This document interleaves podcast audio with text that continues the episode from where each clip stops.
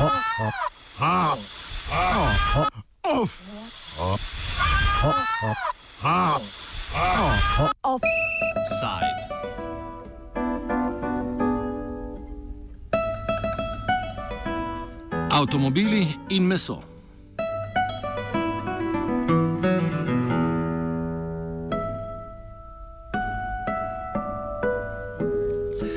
Nizozemska podružnica nevladne organizacije Greenpeace je obelodanila del vsebine trgovskega sporazuma med Evropsko unijo in Zvezo držav Mercosur, ki združuje Argentino, Brazilijo, Paragvaj in Urugvaj. Gre za 171-stranski dokument, ki vsebuje dogovore z tajnih sestankov med predstavniki Evropske komisije in Mercosurja. Dokument vključuje šest poglavij, ki urejajo različne aspekte trgovanja. Več pove Ken Skode iz nizozemske izpostave Greenpeace. The texts that we uh, review today are uh, six chapters from the trade negotiations between the European Union and the Mercosur countries. The Mercosur countries are is Argentina, Brazil, Uruguay, and Paraguay.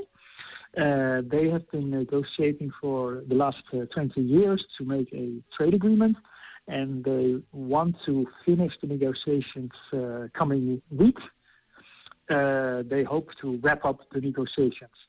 Uh, but many of the chapters of the negotiation text uh, uh, were not public until now. And so we obtained uh, six chapters of the negotiations, and we decided to publish these chapters for the sake of transparency because we think that, that, that the public and the media and parliaments should um, know what is going on. Pogajanja o trgovinskem sporazumu med Evropsko unijo in Mercosurjem v tajnosti potekajo že od leta 2000. Če bi bil sporazum dosežen, bi šlo za največje trgovinsko partnerstvo Evropske unije. Pogajanja sicer ne potekajo gladko. Po težavah v zgodnjih 2000-ih so bila ta ponovno zagnana maja 2010.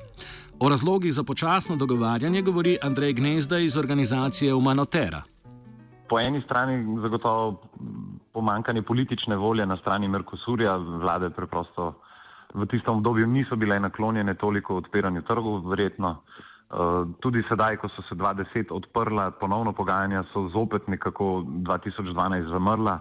Sedaj, ko je prišla na oblast eh, nova vlada, tako v Argentini kot v Braziliji, ki je precej drugače odsmerjena od preteklih vlad, eh, je očitno prišel ta politični moment na strani Merkozurja, da ponovno odprejo in pričnejo za temi pogajanji.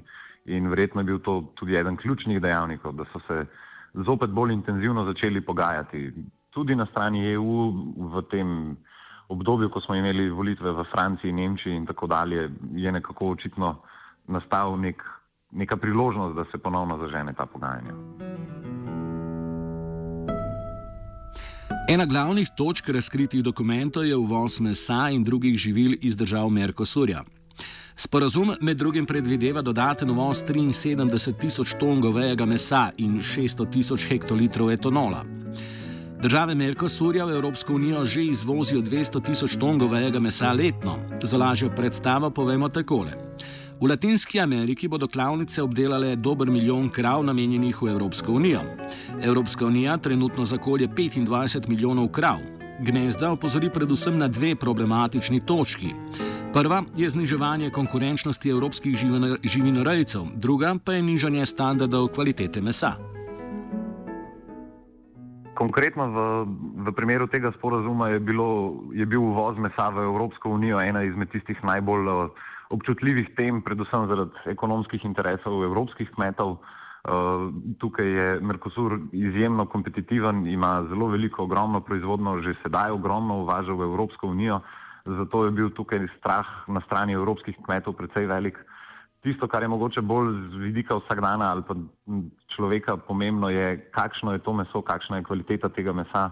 Že doslej uh, je bilo več, uh, v preteklih letih je izbruhnil škandal, kjer so brazilski proizvajalci podkupovali lokalno politiko na zelo veliki uh, ravni ali pa zelo velikem obsegu, zato da niso izvajali ustreznih inšpekcijskih nadzorov nad njihovimi obrati. Meso je bilo gnilo, okuženo, neprimerno za uživanje. Uh, in so ga kljub temu uh, dajali na trg, ko je prišlo do tega škandala oziroma ko je medijsko izbruhnil, je tudi EU zaostrila nadzor nad, nad uvozom mesa, iz, predvsem iz Brazilije. Mm, vendar pa kljub temu, da bi nekako pričakovali, da bo sedaj tudi v tem sporozumu zaostren nadzor zapisan v sam sporozum, vidimo, da gre ravno v nasprotno smer, zopet samo čim bolj enostaven uvoz mesa, čim manj pregledov oziroma če brazilska stran reče, da so njihovi obrati higijensko ustrezni, skladni za zakonodajo, mora EU temu preprosto verjeti na besedo in ne izvaja lastnega nadzora. Težava je, da ravno zaradi teh podkupnin in korupcij v preteklosti vidimo, da v Braziliji preprosto ni ustreznega nadzora in da posledično izvažajo za prehrano neustrezno meso. Pri vprašanju kvalitete mesa, ki ga omenja gnezda, velja posebej izpostaviti brazilskega giganta GBS.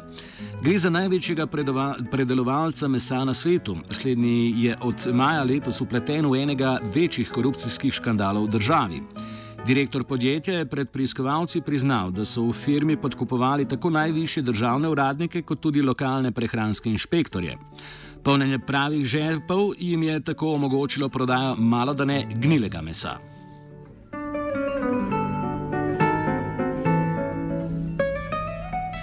Poleg tega nevladne organizacije podarjajo tudi okoljske posledice povečanja izvoza mesa iz držav Merkosurja. Mesna industrija že zdaj velja za enega največjih onesnaževalcev, dodatno povpraševanje pa bi še spodbudilo izsekavanje pragozda za namen obdelovalnih površin. Več pove Keskode. The production of uh, beef meat in particular is uh, associated, is causing uh, a lot of deforestation. In Latin America, especially in the Amazon region and also in the Cerrado region in Brazil and in the Chaco region in uh, Argentina and Paraguay. Uh, the extensive um, cattle ranching uh, are, is pushing into the rainforest, and this causes uh, deforestation. Zameno za povečan uvoz mesa in drugih živil v Evropsko unijo želi slednja izvažati več avtomobilov. To je pripeljalo tudi do konflikta med predstavniki živinorejskega in avtomobilskega kapitala. Prvi je očitno potegnil pregovorno takrat, gnezda. Tu se zgodba nekako ponavlja kot pri sporazumu z ZDA, tipom. Tudi tam je šlo nekako, če poenostavimo, mi odpremo evropski trg za meso, uh, vi pa odprite svoj trg za naša vozila. In tudi tukaj vidimo, da gre nekako v tej smeri zopet. EU uvaža meso, izvaža avtomobile, to je nek kompromis tukaj, ki ga želijo skleniti. In očitno je tukaj prišlo celo tako daleč, da so se uh, evropski proizvajalci oziroma uh, največja podjetja iz teh sektorjev rahlo sprla med seboj glede te točke. Uh, avtosektor v Evropski uniji je očital Kopar Kožeki, uh, se pravi kmetijskemu sektorju v EU, da je protekcionističen, seveda predvsem zato, ker želijo čim več eh, svojih avtomobilov izvoziti. Tako da predvsej spominja na tisto, kar smo videli pri ta tipu. Keskode opozori tudi na poglavje o varstvu intelektualne lastnine. Tu se obeta zaostritev patentnih pravic nad zdravili, posledično pa manj generikov in dražja zdravstvena oskrba. that's uh, also quite an important issue, um, uh, especially for uh, health reasons.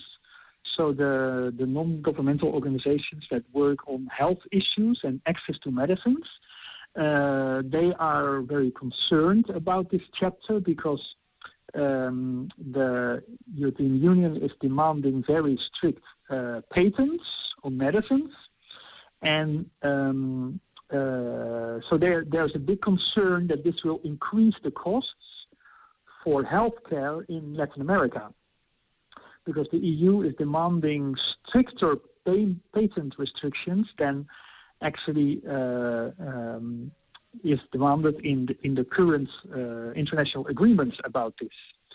So health organizations like Oxfam and uh, uh, public health uh, NGOs are very worried about this chapter. Uh, that it will increase the costs for healthcare in Latin America. When patents expire, then countries they turn to Uh, generic medicines, and they are much cheaper.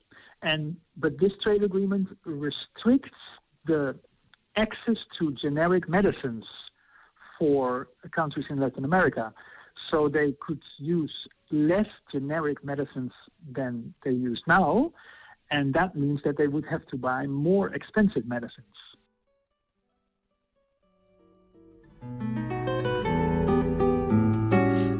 Današnji offset zaključuje gnezda. Ugotavlja, da se ima Evropska komisija na področju transparentnosti še dosti naučiti na kljub lekciji, ki jo je evropska javnost pripravila ob pogajanjih za sporazum TTIP. Ja, tudi tukaj vidimo, Greenpeace je objavil približno sedem ali osem poglavij, če se ne motim. Ta doslej niso bila objavljena, čeprav so stara že vsaj pol leta ali celo več. Podobno je bilo pri sporazumu za Japonsko, kjer so, je komisija ravno tako obljubljala transparentnost pa besedil dejansko ne vidiš, oziroma teh predlogov ali ponudb, ki jih Evropska unija daje na mizo v pogajanjih. Tako da od teh obljub o veliki transparentnosti se je dejansko zgodilo zelo malo, oziroma praktično nič, še vedno poglavja skozi uh, odtekanja preko Greenpeacea prihajajo v javnost, komisija sama pa objavi poglavje ali dve ali tri morda od vseh tistih številnih, ki ki so že na mizo bila dana v preteklosti. Tako da se tukaj dejansko ne premika kaj dosti. Še več zadnje pobude Evropske komisije gredo celo toliko daleč, da sedaj teh sporozumov niti nacionalni parlamenti ne bi več ratificirali z zakoni oziroma glasovanjem. Tako da izključujejo še nacionalne parlamente, kar je še dodaten demokratičen deficit ali pa korak v napačno smer.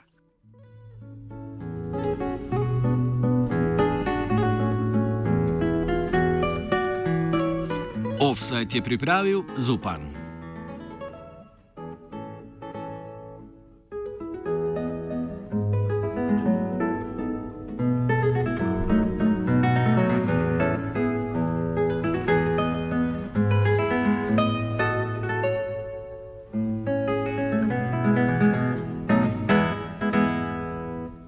Hajdar, hajdar, hajdar, hajdar, hajdar, ne štud, ne duč, hajdar, radio študent.